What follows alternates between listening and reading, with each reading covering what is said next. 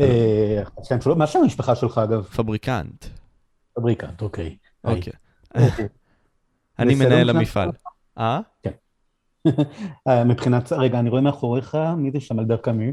אלבר קאמי, זה בכללי שתי מתאגרפים. אני פשוט אוקיי. אוהב מאוד אגרוף, זה מבחינתי המקום הרגשי הזה שמראה באמת אמת כלשהי, חיות, כאב. כן. זה טופק, שאני מאוד אוהב את הסגנון שלו, לא בגלל הראפ האגרסיבי שלו, האמיתי שלו, זה גם בגלל משמעויות יותר עמוקות. נגיד היום אני אראיין מישהו על מקיאוולי, סתם דוגמה. אוקיי. אז הוא מאוד אהב לחקור על מקיאוולי ושייקספיר. אה, ומבחינתי, כאילו, זה גם עוד איזשהו מתערב שאני מאוד אוהב, עם המשמעות של מלחמה. כי מבחינתי, כל הדברים שאני עושה הם איזושהי מלחמה בתוך עצמי. אוקיי. Okay. כל יום ויום. אה, אז זהו, זה, זה בעיקרון. אה, אחלה. תשמע, בעיקרון, דורי, קודם כל אני אשמח לשאול למה בחרת לעשות את הדוקטורט שאתה עשית. כלומר, האם אתה מתגאה בדוקטורט, במסע הזה שבחרת לעשות? אני מתגאה בכך שהצלחתי להביא את עצמי אה, לשבת ולחקור נושא באופן אה, מוסדר, ולכתוב עליו אה, לאורך זמן. מהבחינה הזאת כן, זאת אומרת, הגאווה כאן היא הישג שלי יחד עם עצמי בלבד, לא מול איזשהו עולם חיצוני, מפני שהייתה לי תמיד נטייה מאוד להתפרס, לעבור מנושא לנושא, להיות גם מתרגם, גם משורר, גם עורך, לעשות הרבה מאוד דברים, ועבדתי uh, לרוחב, והדוקטורט הזה אילץ אותי uh, ללמוד נושא לעומק ולעבוד uh, לעבוד באופן uh, יותר מסודר. מהבחינה הזאת אני מאוד שמח. ישנו משהו בדור הצעיר הזה שגורם לך, ואתה יודע, להתפרס. כלומר, ה-ADHD הזה גורם לך לנבור, לחפש הרבה מאוד דברים ולמצוא הרבה מאוד משמעויות בכל דבר, אך זה לוקח מהמאה אחוז שלך, ואתה לא מתפקס בדבר אחד. אז איזה יופי מצאת בזה שעברת את התהליך הזה, שבאמת התמקדת במשהו אחד, בעץ אחד, ונתת לו את המשמעות שמגיעה לו. קודם כל, זה לימד אותי לעבוד, זה נתן לי כלים שקודם לא היו לי, אפרופו ה-HDHD, זאת אומרת, אה, אנחנו באמת אה, מדברים על אה, עולם שקשה מאוד להתמקד בו בדבר. אנחנו מדברים על עולם שבו אנחנו כל הזמן קופצים מוואטסאפ לפייסבוק, לאינסטגרם, לטלוויזיה, אומרת גירויים אינסופיים. ואני חושב, אני לא חושב, אני יודע, שעד שישבתי לכתוב את הדוקטורט הזה ומצאתי את עצמי, פשוט נאלץ לכתוב מאות עמודים, לחקור ולכתוב מאות עמודים, אני לא הייתי ממושמע, לא הייתי מסוגל להושיב את עצמי ולכתוב. וזה לימד אותי, נתן לי לקח אה, שיעור ממש אה, חשוב מבחינתי במשמעת, כי מאז שסיימתי את הדוקטורט הזה, אני אה, יודע לכתוב באופן הרבה הרבה יותר ממושמע, זאת אומרת, אני אושיב את עצמי עכשיו לכתוב, ואני אכתוב. יצא טוב, יצא רע, זה סיפור אחר, אבל אני אשב ואכתוב. אה, וזה דבר ש... אה, זה באמת כלי שנתן לי הדוקטורט ואני... מכל הדברים על זה אני אסיר תודה. אחר כך, בשביל מה צריך דוקטורט זו שאלה אחרת לגמרי. נכון. כי לימדתי, אה, לימדתי באוניברסיטה שנים לפני שהיה לי דוקטורט, אהבתי מאוד ללמד. אני עדיין מאוד אוהב ללמד. אחד הדברים שאני הכי אוהב זה להיות מורה ולהיות מרצה. אני אוהב את התלמידים, אני אוהב את האינטראקציה עם התלמידים. האם בשביל זה צריך דוקטורט? לאו דווקא, כן ולא. כלומר, אה, העובדה היא שלפני דוקטורט אה, גם לימדתי שאחרי דוקטורט זה לא שפתאום ניתה לי קריירה אקדמית, אני עושה דברים אחרים, אז, אה, אז בסדר, עשיתי אותו, ואני שמח שעשיתי אותו. מה מצאת יפה בספרות בכללי? אני יודע שזוהי שאלה מאוד uh, דאון ישר כזה, כי mm-hmm. ישנו יופי כל כך יפה בכל כך הרבה דברים, אך בספרות, גם צרפתית, ישנו אהבה ישנה, ישנה אהבה. אהבה עצומה. ועומק. חיים אלטרנטיביים, חיים uh, מקבילים. אני חושב שזה הדבר. Uh, לחיות את החיים uh, פעמיים. זה נותן לך את האפשרות לחיות את החיים שלך וחיים נוספים. עכשיו חיים נוספים זה יכול להיות, בפרוזה זה מאוד קל להדגים את זה, מפני שיש עלילה. בפרוזה שהיא בדיונית, שהיא fiction, יש עלילה, אז יש החיים שלך ויש החיים של היצורים שאתה קורא עליהם, היצורים שאתה כותב אותם, בפרוזה זה קל, אבל אני חושב שגם בשירה, גם בשירה יש אה, סוג כזה של אה, לחיות יותר לעומק, לחיות יותר, אה, באופן יותר אינטנסיבי, בלי קשר בהכרח לשאלה של על מה אתה כותב, אלא העובדה שבשירה, כששירה היא אמיתית, כששירה היא טובה, כשאני קורא שיר שבאמת אני אוהב אותו ו, ומעריך אותו, לכל מילה בו יש קרקעית כפולה ומשולשת. אה, לכל מילה בו יש כמה משמעויות שזה לא בהכרח המשמעויות המילוניות. אני לא מדבר רק על מילים נרדפות, מדבר על יותר מזה. מדבר על כך שכל מילה בשיר טוב, בשיר של משוררת טובה, משורר טוב, יש לה אה, גם המשמעות המוזיקלית שלה, ויש לה גם המשמעות, נקרא לה, הקונוטטיבית שלה, מה היא מעלה לנו בראש, איזה קונוטציות.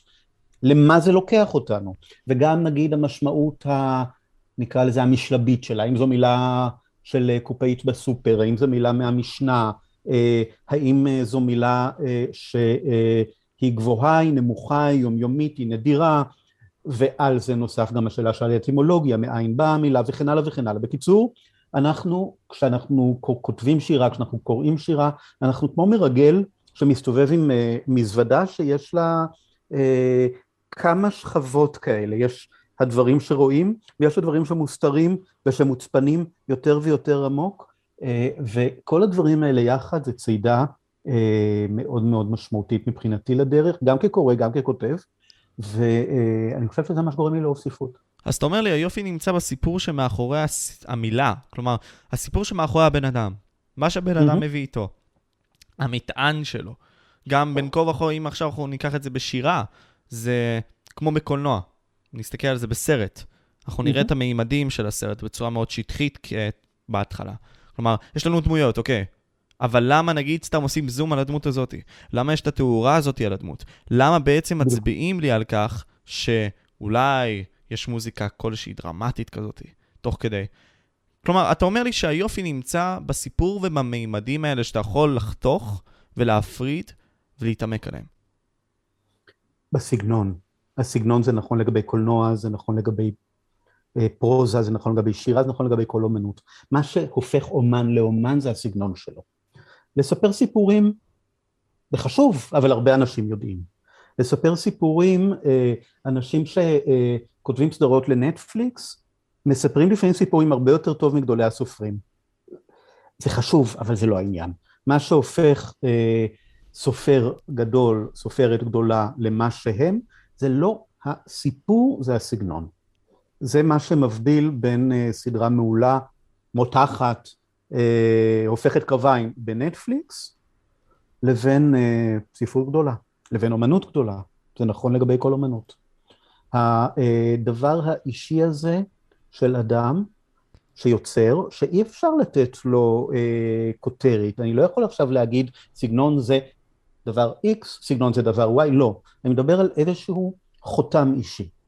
כמו שלמלכים בעבר היו אה, חותמי שווא, ואז ידעת, זה המלך של אשור, זה המלך של מצרים, ככה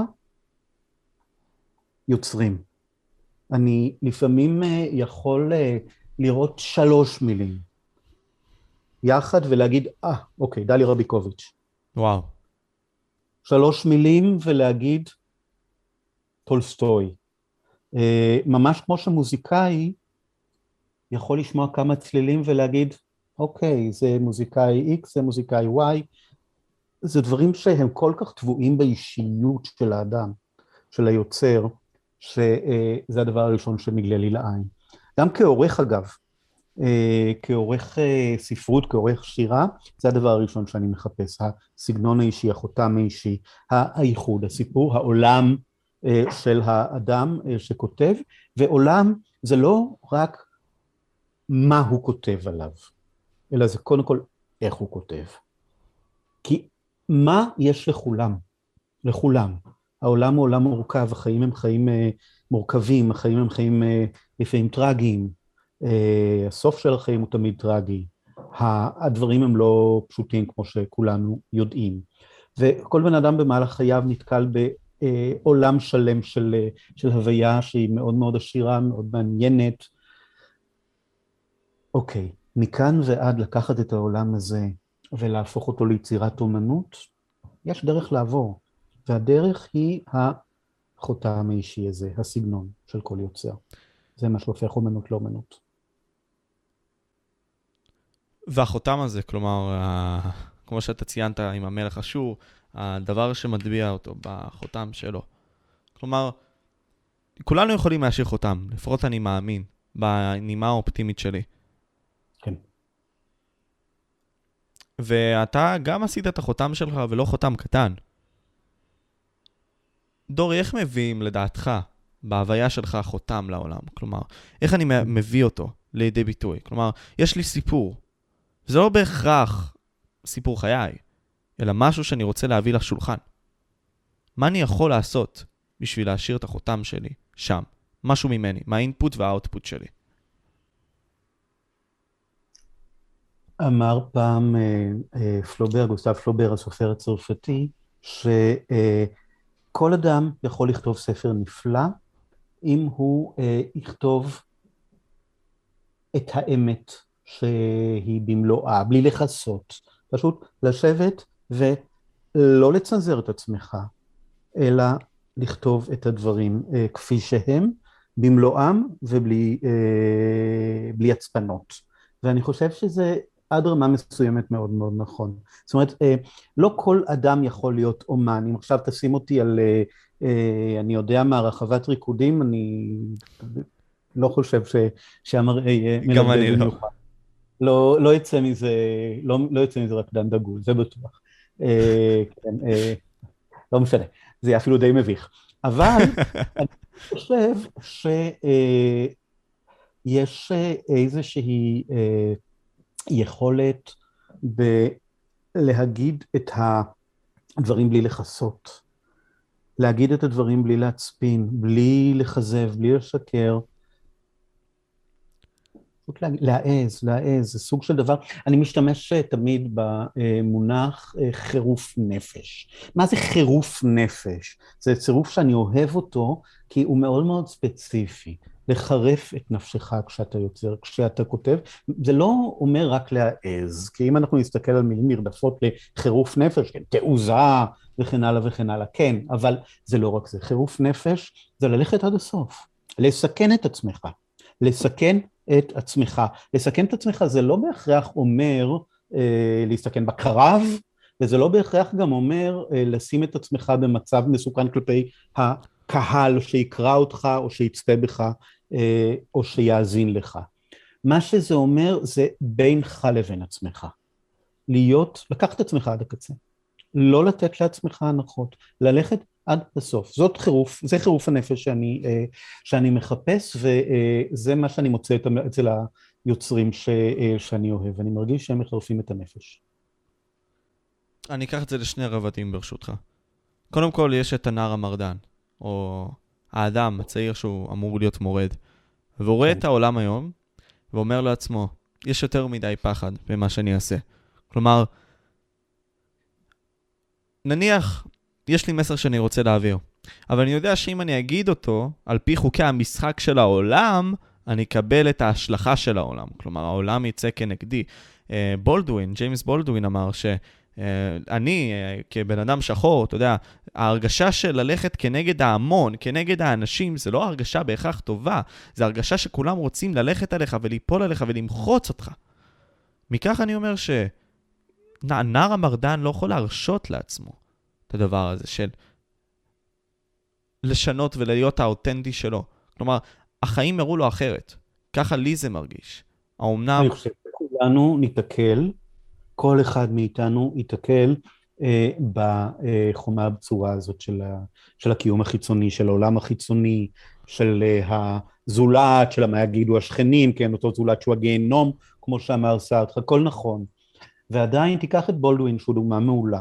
בולדווין שגדל בתנאי עוני אה, בהרלם, ושהלך וכתב, הלך וחי, הלך והיה הומו מחוץ לארון, כי זה היה ממש לא מובן מאליו, היה אה, שחור שכתב אה, על המיעוט שלו כשחור בארצות הברית הכל כך גזענית, זה היה מאוד לא מובן מאליו, עד הסוף הוא הלך. חרף נפש, ולא פחד ממה שיגידו, ו, ובאמת הבקיע איזושהי הבקעה מאוד גדולה בזכות זה. אז תשמע, אני חושב שמי שחושש מהתגובה החיצונית, זה מאוד מאוד טבעי. זאת אומרת, זה דבר שהוא כמעט בלתי, אה, בלתי נסבל לחשוב על אה, לחיות בלי אה, שום התייחסות לזה, מפני שצריך להיות באמת עם מבנה נפשי מאוד מאוד מסוים, ואולי גם בעייתי, כדי לא לחשוב על, ה, על החברה, על הצופים, על הקוראים, אי אפשר. אבל השאלה היא מה חזק יותר.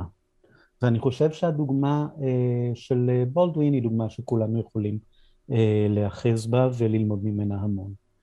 אה, ואין אומן אמיתי בכל תחומי האומנות, אמיתי, שלא התנגח בחברה באופן כזה או אחר. אני לא אומר כאן דבר רומנטי. אני לא מתייחס אה, בהכרח ל... אה, אותם אומנים שחיו נגיד חיי בוהמה, אומנים מקוללים, משוררים מקוללים. אה, אני לא בהכרח מדבר על אה, אה, משוררים מעשני אופיום וחולי אגבת, כן?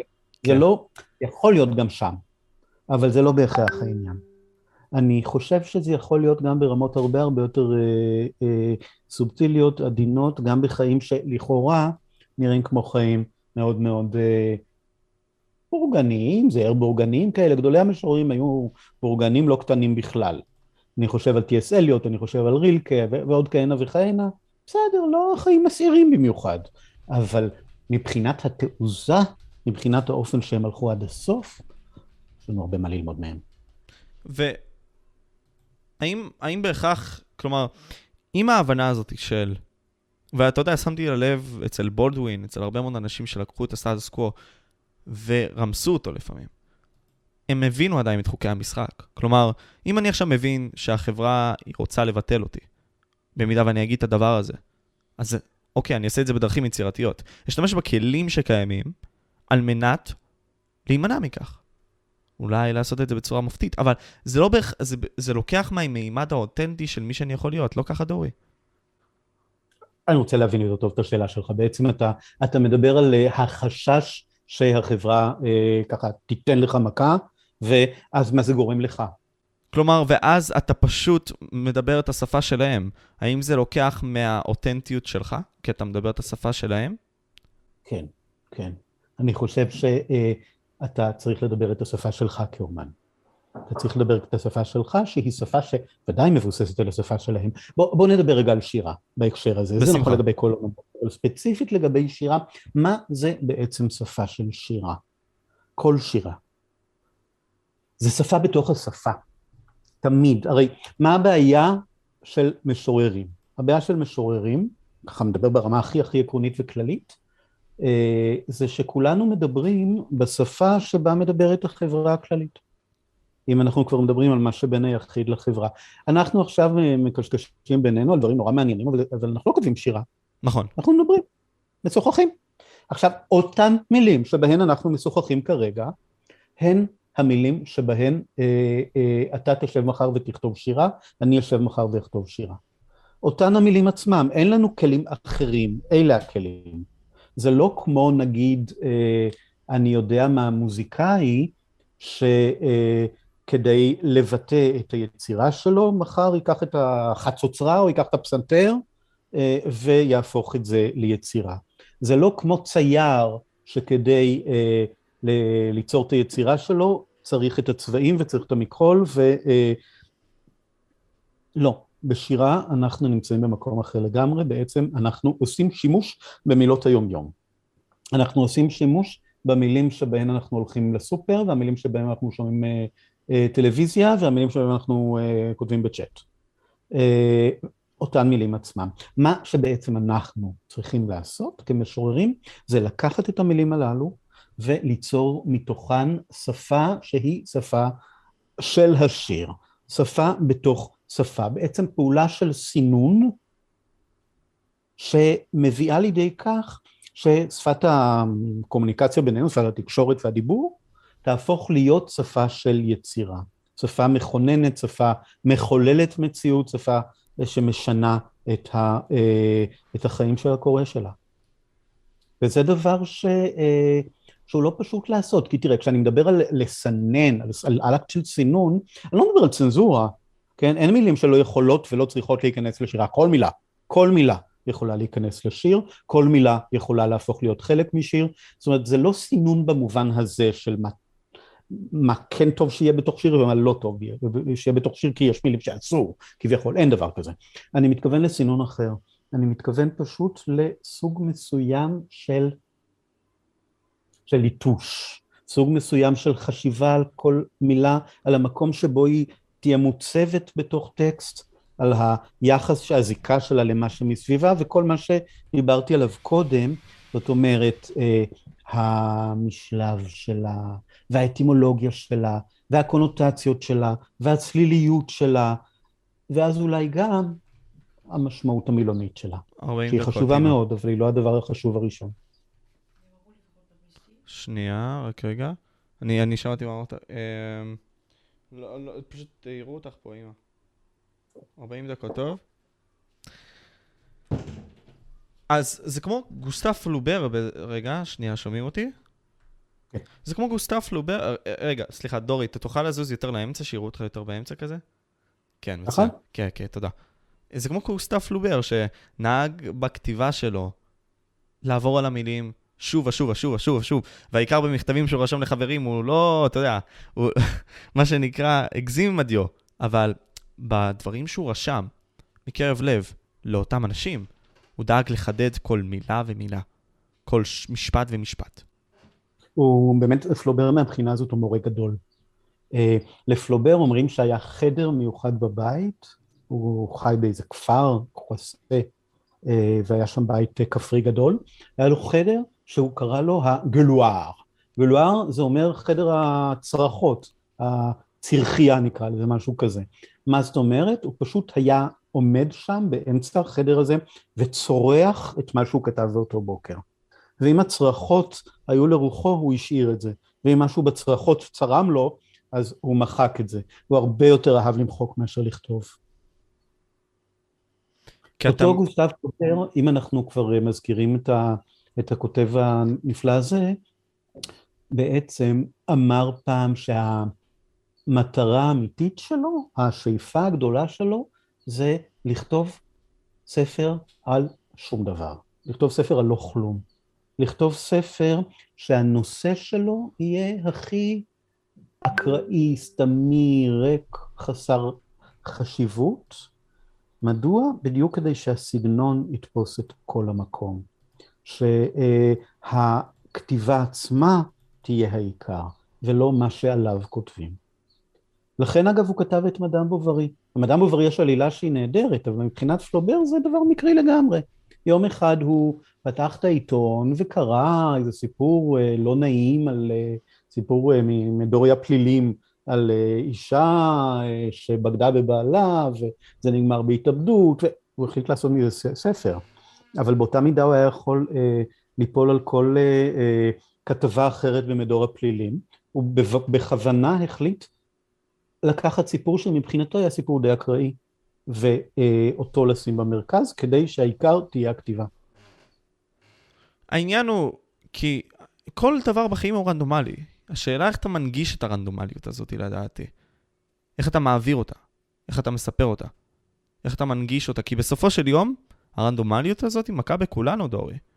אם, וזה היופי, לדעתי גם באנה קרנה, גם במה שאמרת עכשיו עם אדם בוברי. היופי הוא להראות לנו את זה בפנים, בצורה יפה, אמיתית, וזה החיים. תראה את זה is. אני מסכים איתך לגמרי. זאת אומרת, האקראיות הזאת היא אה, המצב הרגיל שלנו, נקרא לזה אקראיות, נקרא לזה גורל, נקרא לזה בכל שם שאנחנו רוצים. כן, אנחנו מוטלים אה, אל, ה, אה, אל העולם הזה, אל היקום הזה, אל התבל הזאת, כמו שמטילים אה, קוביות. כל אחד מגריל מה שהוא הגריל, ההורים שלו, השפה שלו, המקום שבו הוא נולד, ה... הכל הרי זה מקרי לחלוטין. ובתוך זה אנחנו עושים מה שאנחנו יכולים, ואנחנו חיים כפי שאנחנו יכולים, וככותבים אותו דבר. אני חושב שהתפקיד שלנו כבני אדם זה לבחור את הבחירות שלנו. ככל, ש... ככל שהגורל יאפשר, ככל שאלוהים יאפשר, לחיות מתוך אה, איזושהי מחשבה על אה, אה, הרשות נתונה. ואותו דבר בעצם ביצירה, כי היוצר הוא, אומרים שהיוצר הוא אלוהים ב, בספר שלו, אלוהים על הדף, זה חצי נכון. בסופו של דבר, היוצרים אומן, אה, קודם כל אה, בני אדם, אה, והתפקיד שלנו, אני חושב, כאומנים, הוא לנסות ולהתחכם לאקראיות הזאת. להביא לידי כך שמה שאנחנו יוצרים יהיה כמה שפחות אקראי. אנחנו אה, ניצור יצירה שיש בה כמה שיותר מודעות וכמה שיותר כוונה וכמה שיותר צלילות, גם כאשר אה, אנחנו יודעים שבעצם כל זה הוא אידיאל שלעולם לא נגיע אליו. מין משאת נפש שהיא אבודה מראש, אבל אה, בתור התכווננות, בהחלט. הרי אנחנו רואים את זה מראיית הזווית של... כאילו, אנחנו נמצאים וחווים את החוויה הזאת, בזה הרגע. וזה היופי, כלומר, כי אנחנו בהרבה מאוד מהמקרים לא יודעים מה הולך לקרות, אבל היופי כאן לבטא כל דבר ודבר שאנחנו עושים. כי זה מביא את כל שאר הצעדים, הנקודות שאפשרי לחבר, על מנת ללמוד מן הדבר הזה לפעמים הבאות, ולהיות אנשים יותר טובים לדעתי, לא ככה דורי. ממש ככה. אתה מדבר על uh, חיבור נקודות, וישר האסוציאציה שלי, מאחר שאנחנו מדברים על שירה, אני חושב למשל על uh, על, על, על צורות קלאסיות בכתיבת שירה. אני חושב, כך סונטה, אתה יודע מה, סונטה בתור אה, הצורה הקלאסית אה, ביותר אה, בשירה.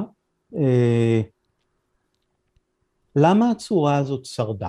למה הצורה הזאת קיימת כבר אה, 800 שנה והיא עד היום פופולרית ועד היום כותבים סונטות והמון סונטות?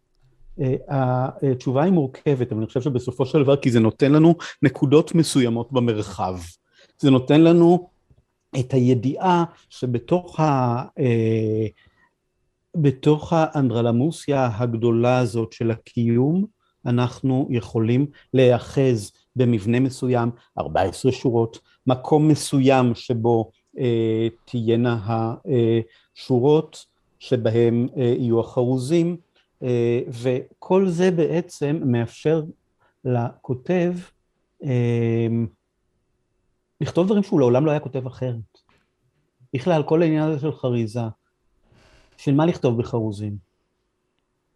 שום סיבה. אלא אם כן רוצים. אבל כשאני חושב למה חרוזים אה, זה דבר שאותי מעניין, כי בחריזה יש משהו שמאפשר לי להפתיע את עצמי. בתוך המרחב הזה האקראי שאתה מדבר עליו. משהו שמאפשר לי לחבר פתאום שתי מילים שבשום צורה אחרת לא היו מתחברות. שבשום צורה אחרת לא הייתי גורם, אה, לא הייתי מעלה על דעתי שיהיה ביניהם קשר, ופתאום זה מוציא מהלא מודע שלי שורות שלא היו נכתבות אחרת, רק בזכות החריזה הן נכתבות. אני כתבתי פעם שיר שנקרא פרימה, אני אגיד אותו אולי. אפשר להגיד שיר? בשמחה. אוקיי, אז אה, ככה, זה שיר ששמו פרימה והוא סוג של שיר ערש. איך יכול אדם לשיר שיר ערש לעצמו? איך יכול אדם להאמין שהוא לבד? אדם נפרם מילדותו כמו חוט מתוך מרבד, ואין דבר בטבע שיוכל להרדימו. אדם נוסע בנפשו לווילנה או מדריד, צפונה מהזמן, ומערבה מעצמו. אדם בונה גונדולות ומפליג מבריד, מבריד, ואין דבר בטבע שיוכל להרדימו. בפוך לבן הוא מתכסה וחש כיצד הייתה אמו עכשיו קורעת וחופה את המיטה. הוא שר את שיר הארז ושומע את עצמו. ואין דבר בטבע שיוכל להרדימו. אני זוכר את הרגע הזה שבו אה, כתבתי את השורה אדם נוסע בנפשו לווילנה או מדריד. זה הזמן קצר, אחרי חזרתי ממדריד, הייתי בטיול במדריד, ואיכשהו מדריד הייתה לי מאוד נוכחת בתודעה, וכתבתי אדם נוסע בנפשו לווילנה או מדריד. ואז אתה חושב, אני מנסה ככה לשחזר לאחור איך זה נכתב, אתה חושב, או אני חשבתי, איך אפשר לחרוז את המילה מדריד? אמרתי לעצמי, אוקיי, וריד. אוקיי, וריד מתחרז עם מדריד, יש עוד חרוזים כמובן, זה יכול להיות יריד, זה יכול להיות הרבה מאוד דברים אחרים, אבל לא, וריד. פתאום בא וריד, ואז הקישור הזה בין מדריד מצד אחד לווריד מצד שני, גרם לי פתאום לאיזושהי מחשבה שכנראה עברה, השד יודע איך בוונציה, עם הגונדולות, ואז פתאום זה הגיע לאדם בונה גונדולות, הוא מפליג מווריד לווריד. וואו.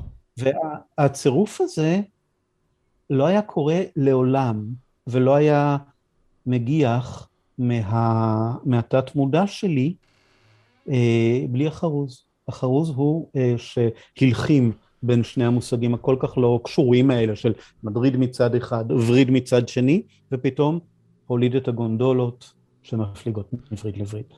אני מרגיש שזה הבעיה בדור הצעיר, שה... ישנם גבולות, והגבולות הם כל כך יפים לפעמים. הגבולות האלה נותנות לנו את החירות הכי גדולה שניתן לקחת, לדעתי. כי העולם הוא כאוס, וכאשר אנחנו נכנסים אליו הוא כאוס. ועם הזמן אנחנו לומדים את החלל הזה של החיים. לומדים קודם כל לסחול, לאט לאט ללכת, לרוץ, לקפוץ. אנחנו מבינים את הכל, מריחים את הכל, חשים את הכל, ועם הזמן אנחנו מבינים את החוקים הללו ששמים עלינו.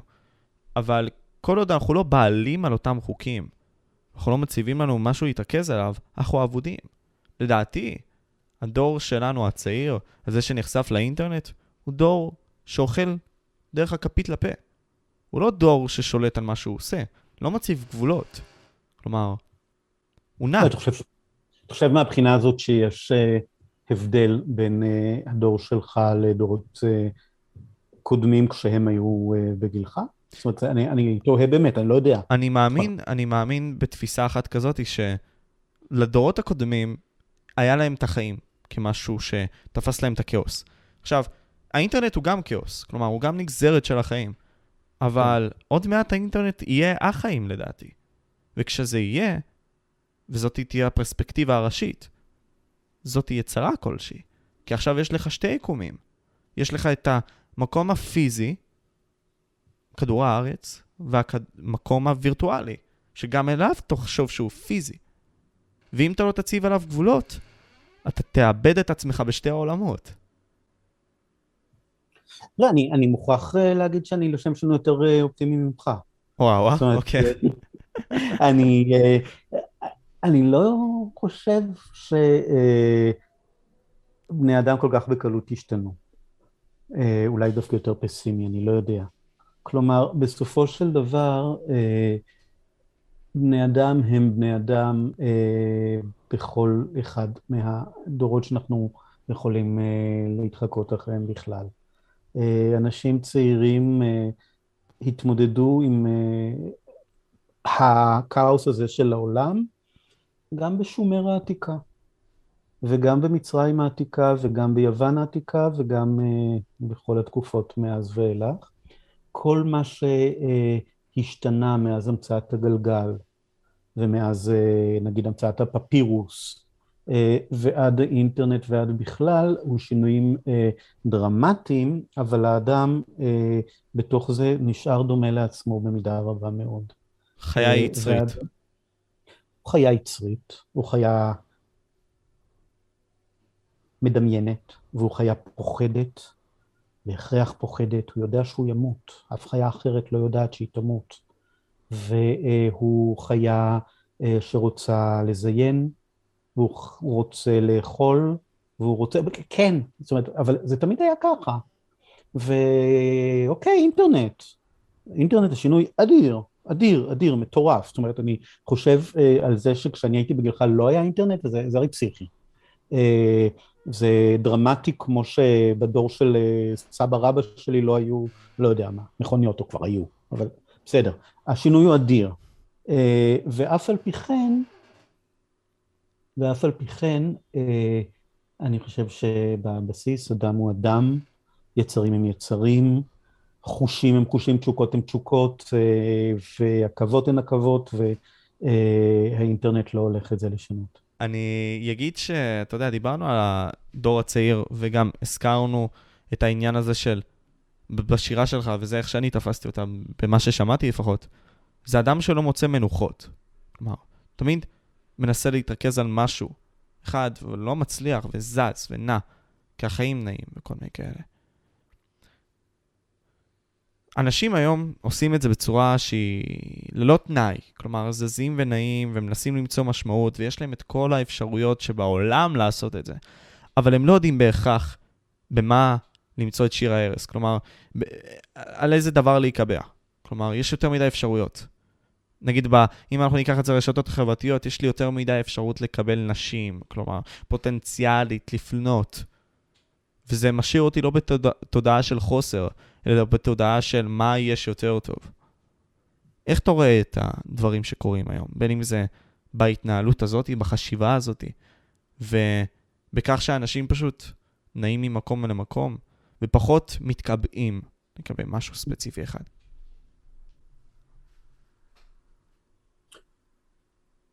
אני לא חושב שזה רק דור צעיר, אני חושב שכל הדורות סובלים מזה, נורא סובלים מזה. זאת אומרת, זה דבר שהוא אה, אה, משנה את החברה שלנו באופן אה, מאוד מאוד אה, רדיקלי, ואני יודע כמה, כמה אצלי זה דבר ש... שהוא מערער, העודפות הזאת. העודפות והשפע הכוזב הזה, כי זה לא באמת שפע. זאת אומרת, זה שפע מבחינות מסוימות, אבל זה שפע שמאוד בקלות מחזיב. אתה מדבר על, אה, עליך שאתה יכול להשיג אה, כביכול את כל הנשים בדרך, אה, דרך האפליקציה, כן, אבל מה זה להשיג את כל הנשים או את כל הגברים או לא משנה, זה, זה, הרי, זה הרי מאוד מטעה, זה רק לכאורה. זה רק לכאורה כי זה לא באמת המצב. זה כמו שכל הידע האנושי כביכול מצוי כמתחווי אה, אה, מקלדת. אה, אנחנו יכולים להיכנס לוויקיפדיה, לקרוא כל דבר על כל דבר, אבל הרי זה כל כך מטעה מהבחינה הזאת שהריבוי הזה הוא, הוא, הוא, הוא עודפות. אה, אני אה, חושב על הילד בדורות קודמים שיושב אה, בספרייה של אה, בית הספר או ספרייה של, אה, של ההורים שלו, לא משנה, ומוציא כרך אחד מהמדף, פותח אותו ובולע אותו. חוויה ש... שהכרתי מעצמי, ואני מאמין שהרבה מאוד אנשים הכירו מעצמם. אז יש גם היום ילדים כאלה, אבל בסופו של דבר, העובדה שאנחנו יכולים לכאורה הכל אה, למצוא אה, תוך אה, חיפוש מאוד מאוד אה, פשוט במנוע חיפוש, אה, מאפשרת לנו ידיעה שהיא מאוד מאוד שונה של הדברים. האינפורמציה תינתן לנו בקלות, ההפנמה שלה, לא. זה עובד אחרת לגמרי. אנחנו אה, לא נפנים באותו אופן את הידע, אנחנו לא אה, נעשה בו שימוש אה, עמוק באותה מידה, הכל אה, מהבחינה הזאת יותר נגיש ויותר שטחי, כלומר יותר לרוחב, הרבה הרבה פחות לעומק.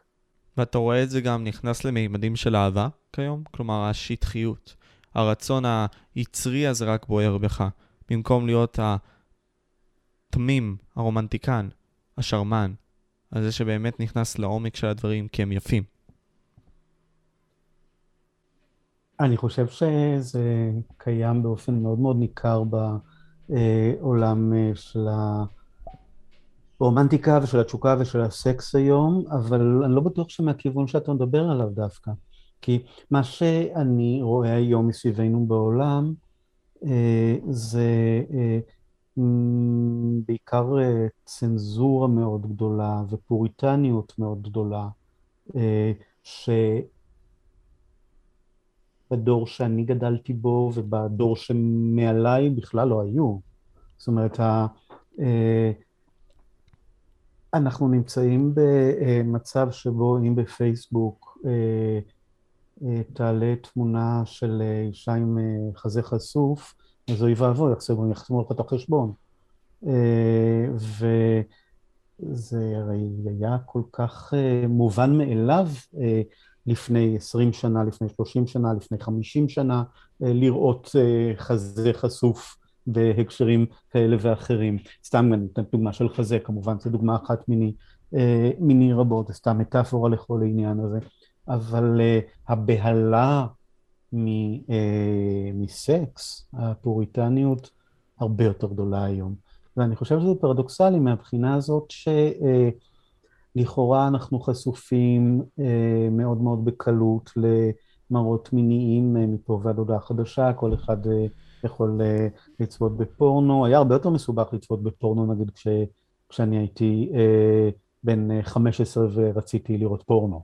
זאת אומרת, כדי לראות פורנו כשאני הייתי בן 15, הייתי צריך להטריח את עצמי אה, לבית קולנוע שהקרין סרטים כחולים ולוודא שאף אחד לא מסתכל ושאף אחד לא רואה אותי נכנס, בעיקר לא אני את עצמי, נורא הלחצתי את עצמי,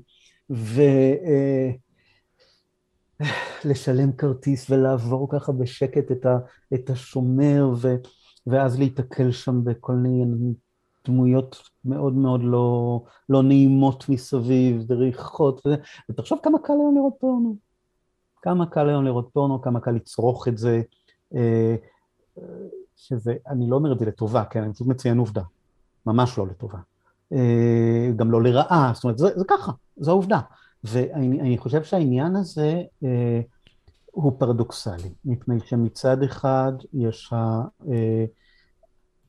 העולם הזה, שהוא מאוד מאוד אה, נגיש, ומצד שני יש הבהלה כל כך גדולה מפטמה חשופה של אישה אה, בפייסבוק או באינסטגרם או אה, וכולי וכולי, אה, או בציבור, בציבוריות בכלל.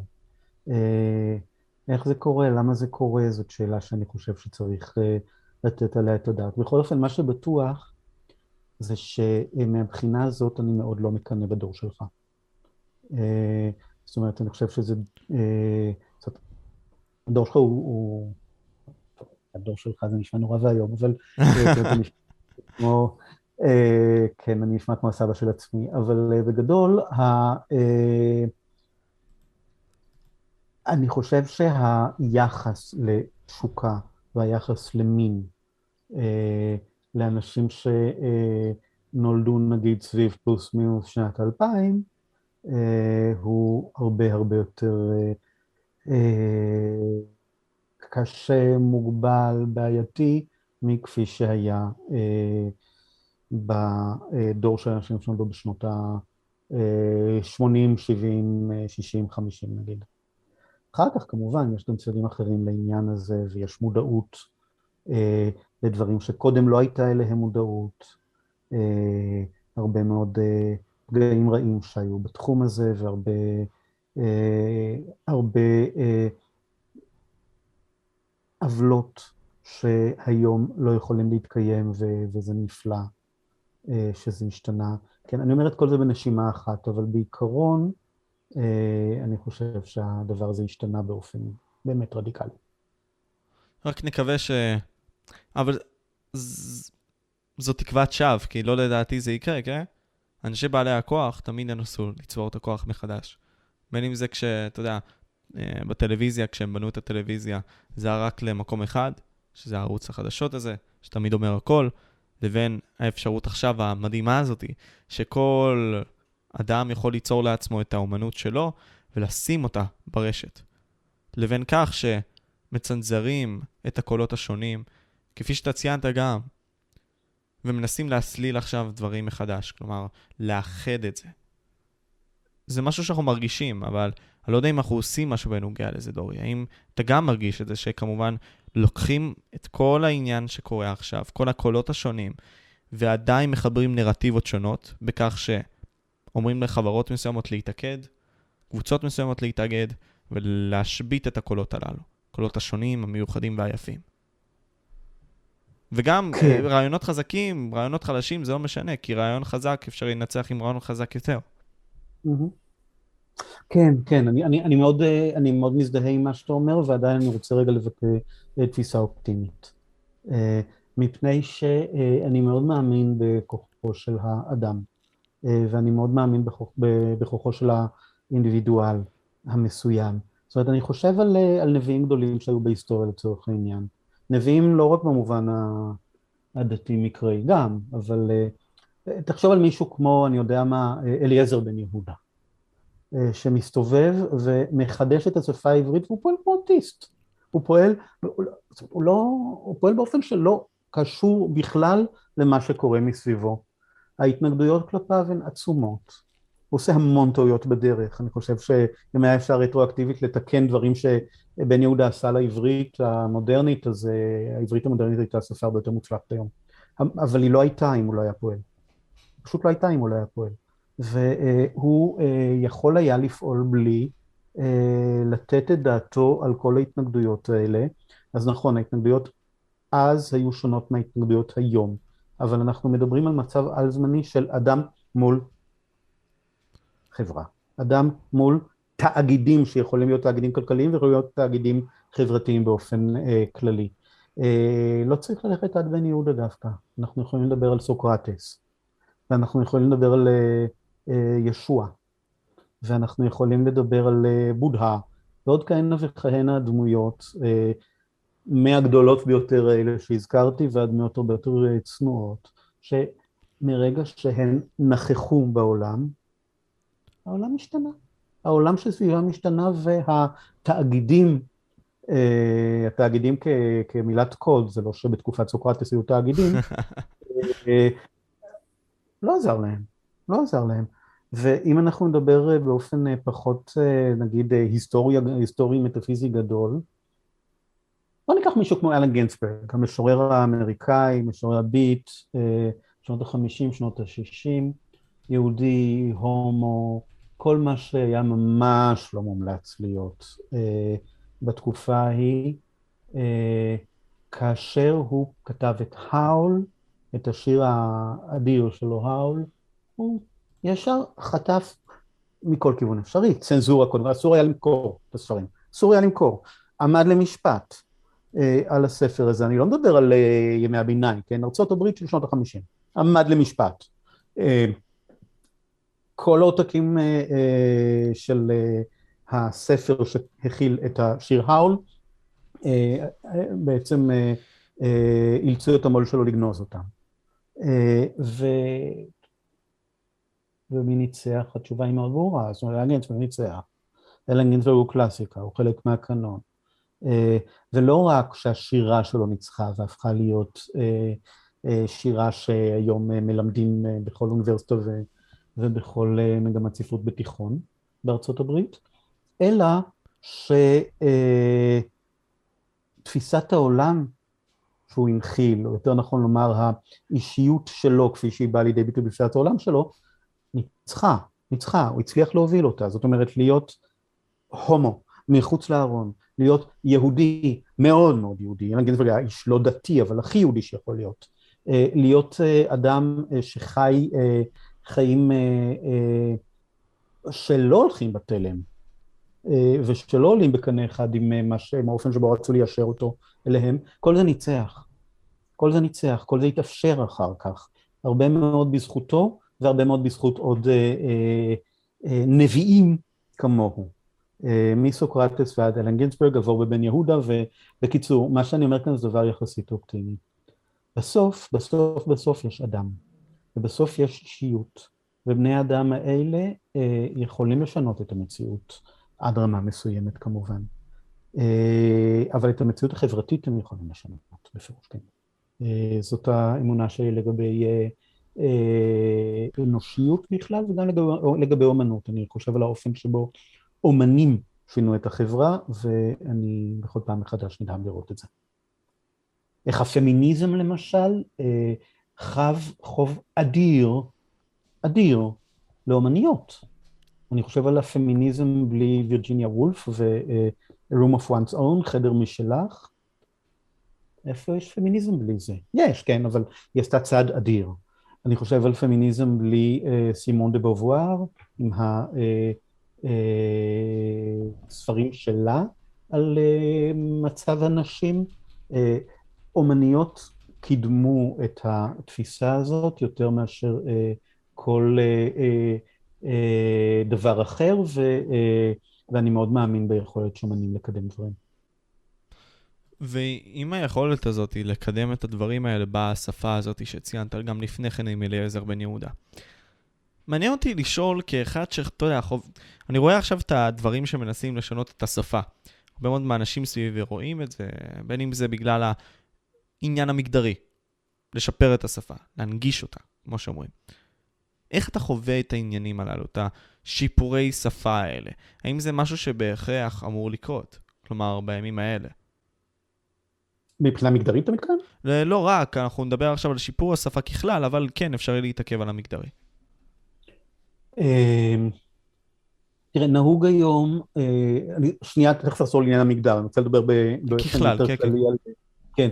אה, נהוג היום מאוד מאוד אה, להתייחס כמובן מאליו לכך ששפה, שהתפתחות טבעית של שפה זה דבר נכון ורצוי.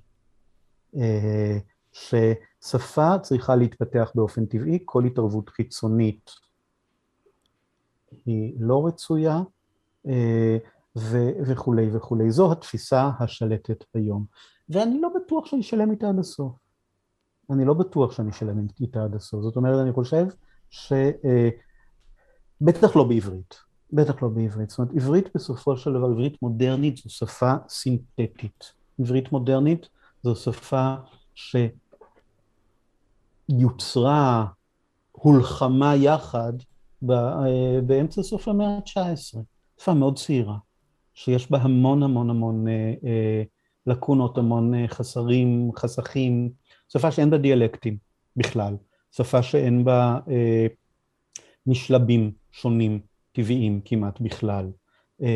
שפה שבעיקר יש לה בעיה מאוד מאוד חריפה, כי היא שפה שמית, אבל היא מתייחסת לעצמה כאילו היא שפה מערבית. אה, אם אני רוצה להגיד בעברית את האמירה המפורסמת של דקארט, קוגיטו ארגו סום. Je pense donc je suis. I think therefore I am. איך אני אגיד את זה בעברית? אני חושב משמע אני קיים. ככה זה תורגם. תרגם את זה יוסף אור בשנות ה-20, שנת 1923 אם אני זוכר נכון. אני חושב משמע אני קיים. זה לא טוב. זה לא טוב, מפני שיש לנו במקור דבר אחר לחלוטין. דקארט ידע את ההבדל בין אה, להיות ולהתקיים. ולא רק שהוא ידע, אלא שההבדל בין אקזיסטה ואתר, כן, בין אה, להיות ולהתקיים, הוא נדבך מאוד מאוד משמעותי בפילוסופיה שלו. הוא מדבר על זה הרבה. הוא לא בחר להגיד, אני חושב משמע, אני קיים, ממש לא. הוא לא היה אומר את זה כנראה. Uh, הוא אמר, je pense donc je suis, I think therefore I am. והאם הזה, אין לנו בעברית. אין לנו בעברית. שום דרך להגיד את זה. יכולים לעקוף את זה. יכולים למצוא כל מיני דרכים, אני חושב, משמע אני הווה, אני יודע מה, אה, משמע whatever, זאת אומרת אפשר לחשוב על כל מיני דרכים, אבל זה בטח לא המיידיות הזאת של AM. זה בטח לא הדבר הכל כך בסיסי בשפות המערביות של הפועל to be, או את, או זין בגרמנית וכולי. אה, ומה אה, שאני אומר בעצם זה שכל עוד עברית הייתה שפה שמית במובן המסורתי והקלאסי של העניין, לא הייתה עם זה שום בעיה. זה לא שמישהו בתנ"ך, או אפילו אה, בשירת ימי הביניים נגיד, היה חייב להגיד אה I think therefore I am, קוגיטו ארגו סום. הסתדרו מצוין, עולם שלם שמי עמד על רגליו והיה מסודר ומאורגן וטוב, בלי הפועל הזה. בלי להטות את להיות בהווה, לא הייתה שום בעיה. מתי מתחילה הבעיה? כשהעברית המודרנית היא עדיין שפה שמית, אבל היא מודעת לשפות אחרות ומנסה לתפקד כאילו היא שפה מערבית. אבל היא לא. זאת אומרת, יש לנו כאן אה, קושי אמיתי של הפער בין מה שאנחנו יודעים, כולנו, גונבה לאוזנינו השמועה בלבד, בדבר הפועל אה, אה, I am. יודעים שהוא קיים, אבל אנחנו לא יכולים להגיד בשפה שלנו. לא יכולים. I am, אני לא יכול להגיד. יכול להגיד אני, אבל אני זה I. או שזה me, זה לא I am. Uh, ומה אז uh, אני עושה עם זה? זאת כל השאלה. ומהבחינה הזאת, העברית זו שפה שהיא עדיין העברית המודרנית. שפה שהיא עדיין מאוד מאוד מאוד אה, מיטלטלת מבחינה גיאולוגית, ואגב, אני אומר את זה לא רק לרעה, אני אומר את זה אפילו מאוד לטובה, מפני שמבחינתנו ככותבים, זה מזל מטורף. זו שפה שאפשר ללוש אותה. זו שפה שכל כך הרבה דברים עוד לא עשו בה, ושאפשר לעשות בה. אה, באמת, אה, הלוואי על אה, כותבי אנגלית, צרפתית, גרמנית ואיטלקית, שגם להם יהיו כל כך הרבה חסרים שהם יכולים למלא. כי החסרים האלה מביאים צירופים חדשים ואפשרויות חדשות לחיבור של משהו יפה אחר.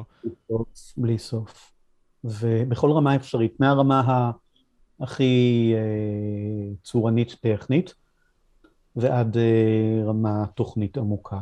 ברמה הטכנית הכי קל לראות את זה. אתה יודע כמה אה, צורות קלאסיות אה, בשירה אף אחד מעולם לא כתב בעברית? אני מאמין שלא מעט. אין ספור, אין ספור. וכל אה, כך הרבה משקלים, וכל כך הרבה צירופים אה, אה, טכניים, ו, ומבנים, ובאמת דברים שכותב, אה, אם אני היום הייתי כותב שירה בצרפתית או באנגלית, אז דברים שהיו מבחינתי לגמרי משעממים מרוב שהם אה, עתיקים, מוכרים, אה, לעוסים, נדושים, שגורים. בעברית, לא, אף אחד לא עשה אותם. כל כך הרבה הזדמנויות. דברים אדירים אנחנו יכולים לעשות. מדהים. אם רק נפקח את העיניים ו, ונבין שיש לנו כאן הזדמנות מטורפת.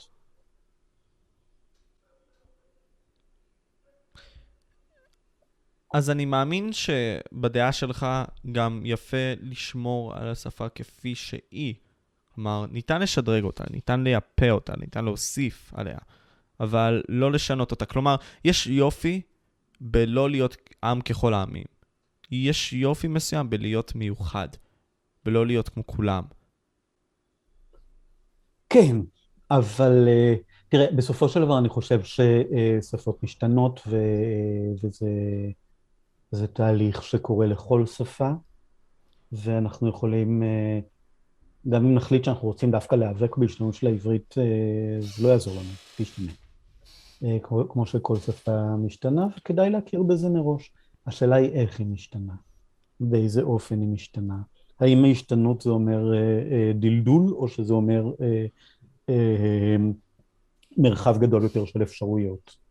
אה, זאת השאלה, מה שאני רואה לצערי הרב, ועוד פעם אני נשמע לעצמי כמו סבא של עצמי, זה שאכן הולך ופוחת הדור.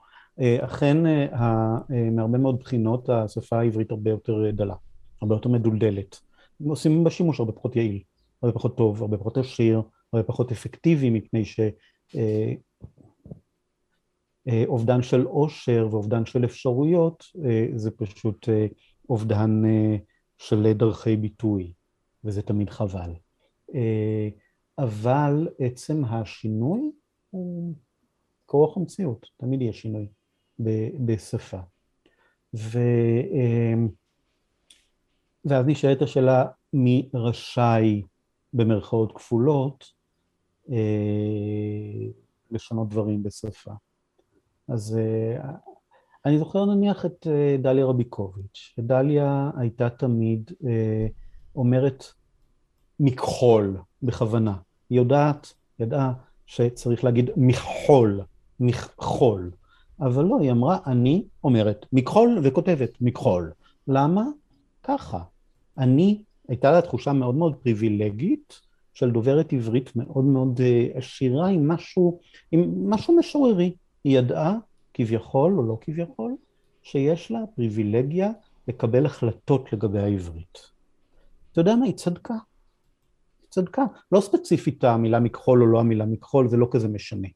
אבל uh, כאמירה עקרונית וכללית, אני חושב שדליה רביקוביץ' צדקה, לה באמת היה מותר לקבל החלטות לגבי השפה, וללוש אותה ולשנות אותה, וסוג מסוים של, uh, uh, של אוזן, של צליליות שהייתה בה, הייתה פריבילגית. אה, מה זה אומר? אנחנו יכולים לבחור היום את הל"ו צדיקים הפריבילגיים עם אוזן ש... אה, שתוכל להחליט על השפה? ודאי שלא. מצד שני, גם לא הייתי משאיר את זה לאקדמיה ללשון. ולא משאיר את זה לשום, אה, לשום גורם חיצוני כזה. אז אני, בקיצור, אין לי תשובה, אני חושב שזה כנראה מצב שה... זאת, הרפורמיסטים הכי טובים והכי גדולים של השפה זה תמיד המשוררים והסופרים, תמיד, תמיד. האנשים שחיים את זה ונושמים את זה ולשים את זה, כל יום ויום. כן, ושהם אה, נמצאים בתוך ההתנגדות, התנגדות במובן חשמלי, אה, כמו התנגדות חשמלית של, כן. אה, של המילים. אם אני לא מרגיש התנגדות של המילים, עוד פעם, התנגדות לא במובן של... של מרד או התקוממות, אלא במובן חשמלי ממש. אם אני לא מרגיש שהמילים אה, מתנגדות, אז השיר שלי שכתבתי הוא מחורבן, חייב להיות שם משהו כזה. אני חייב להיות, אף פעם המילים לא יכולות להיות מובנות מאליהן. תמיד צריך אה, להיות איתן בסוג של אה, יחסים אה, מורכבים. כי החיים הם מורכבים, והטוב והרע משלים אחד את השני. נכון. אני אשאל עוד שתי שאלות קצרות, כי אני רוצה לכבד את זמנך, דורי. אה, אנחנו לא ציינו עדיין את הספר שלך שער ראשון. אני, הרבה מאוד דברים, גם שאלות שדיברנו עליהם ונושאים שדיברנו עליהם, ציינו פה. אה, אני אשמח להתעכב על דבר אחד שאמרת. אה, בעמוד 33.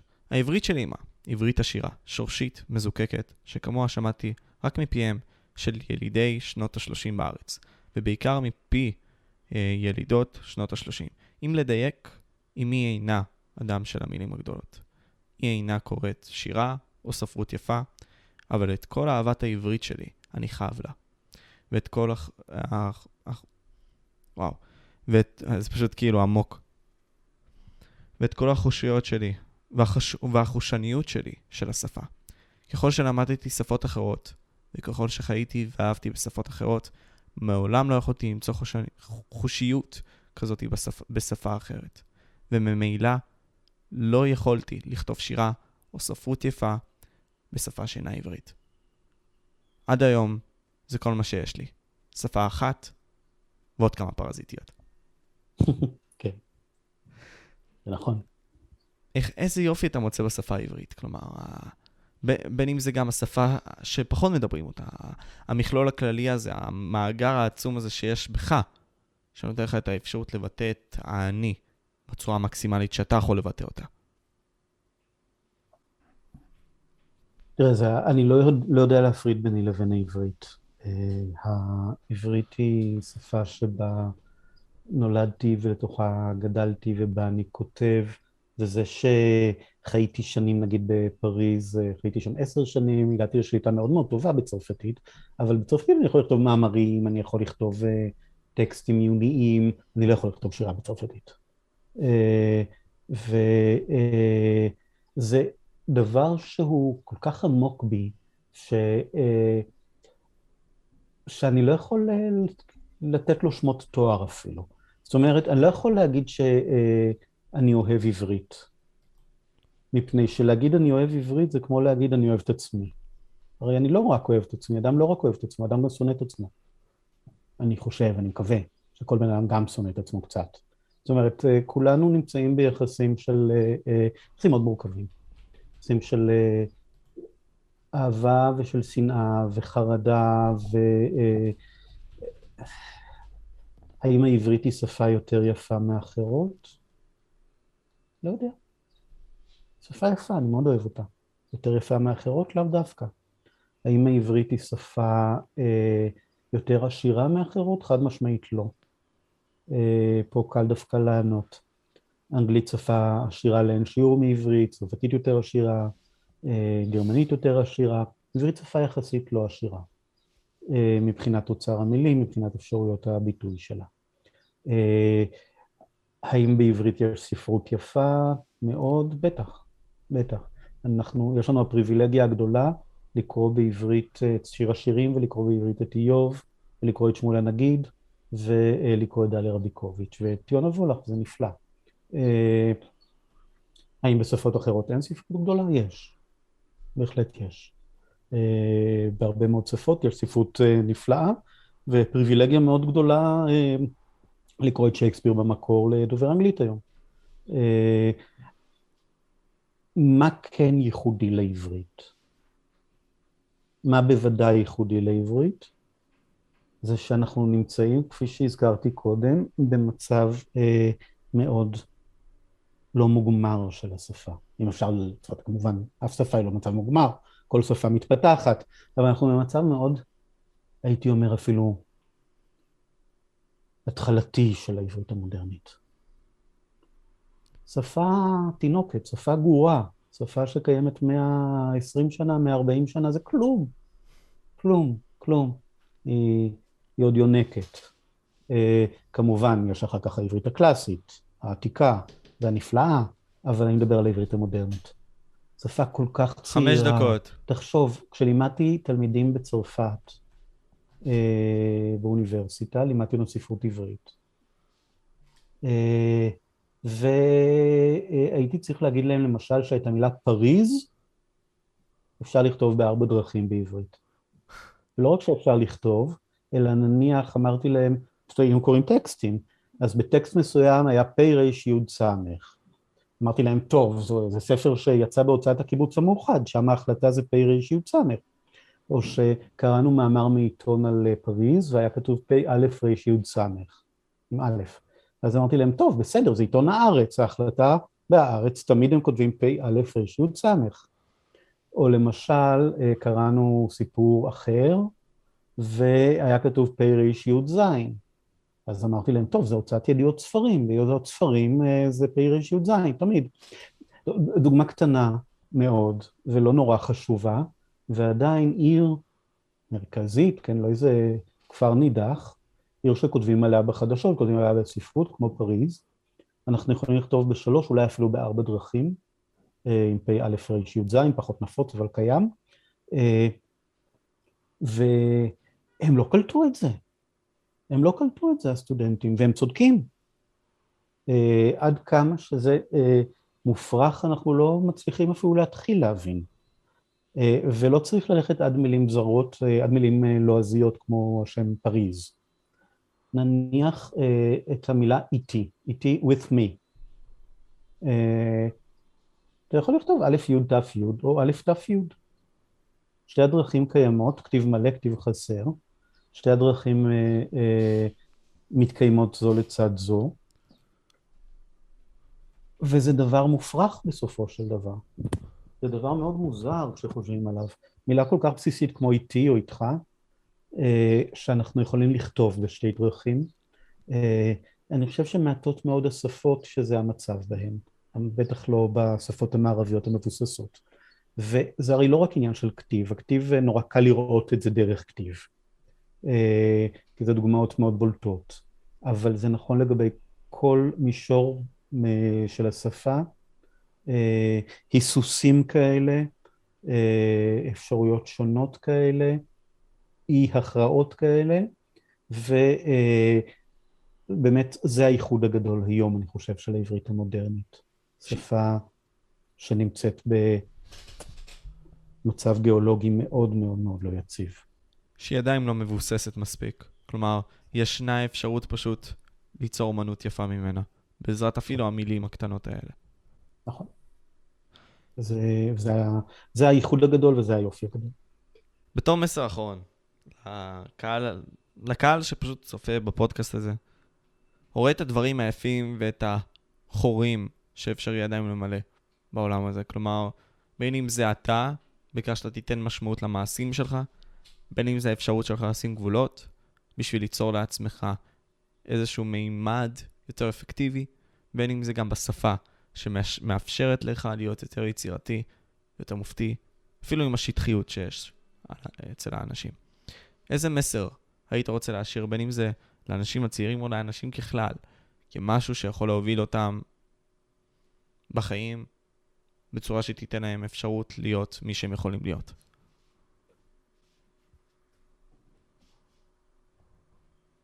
תהיו מיעוט של עצמכם.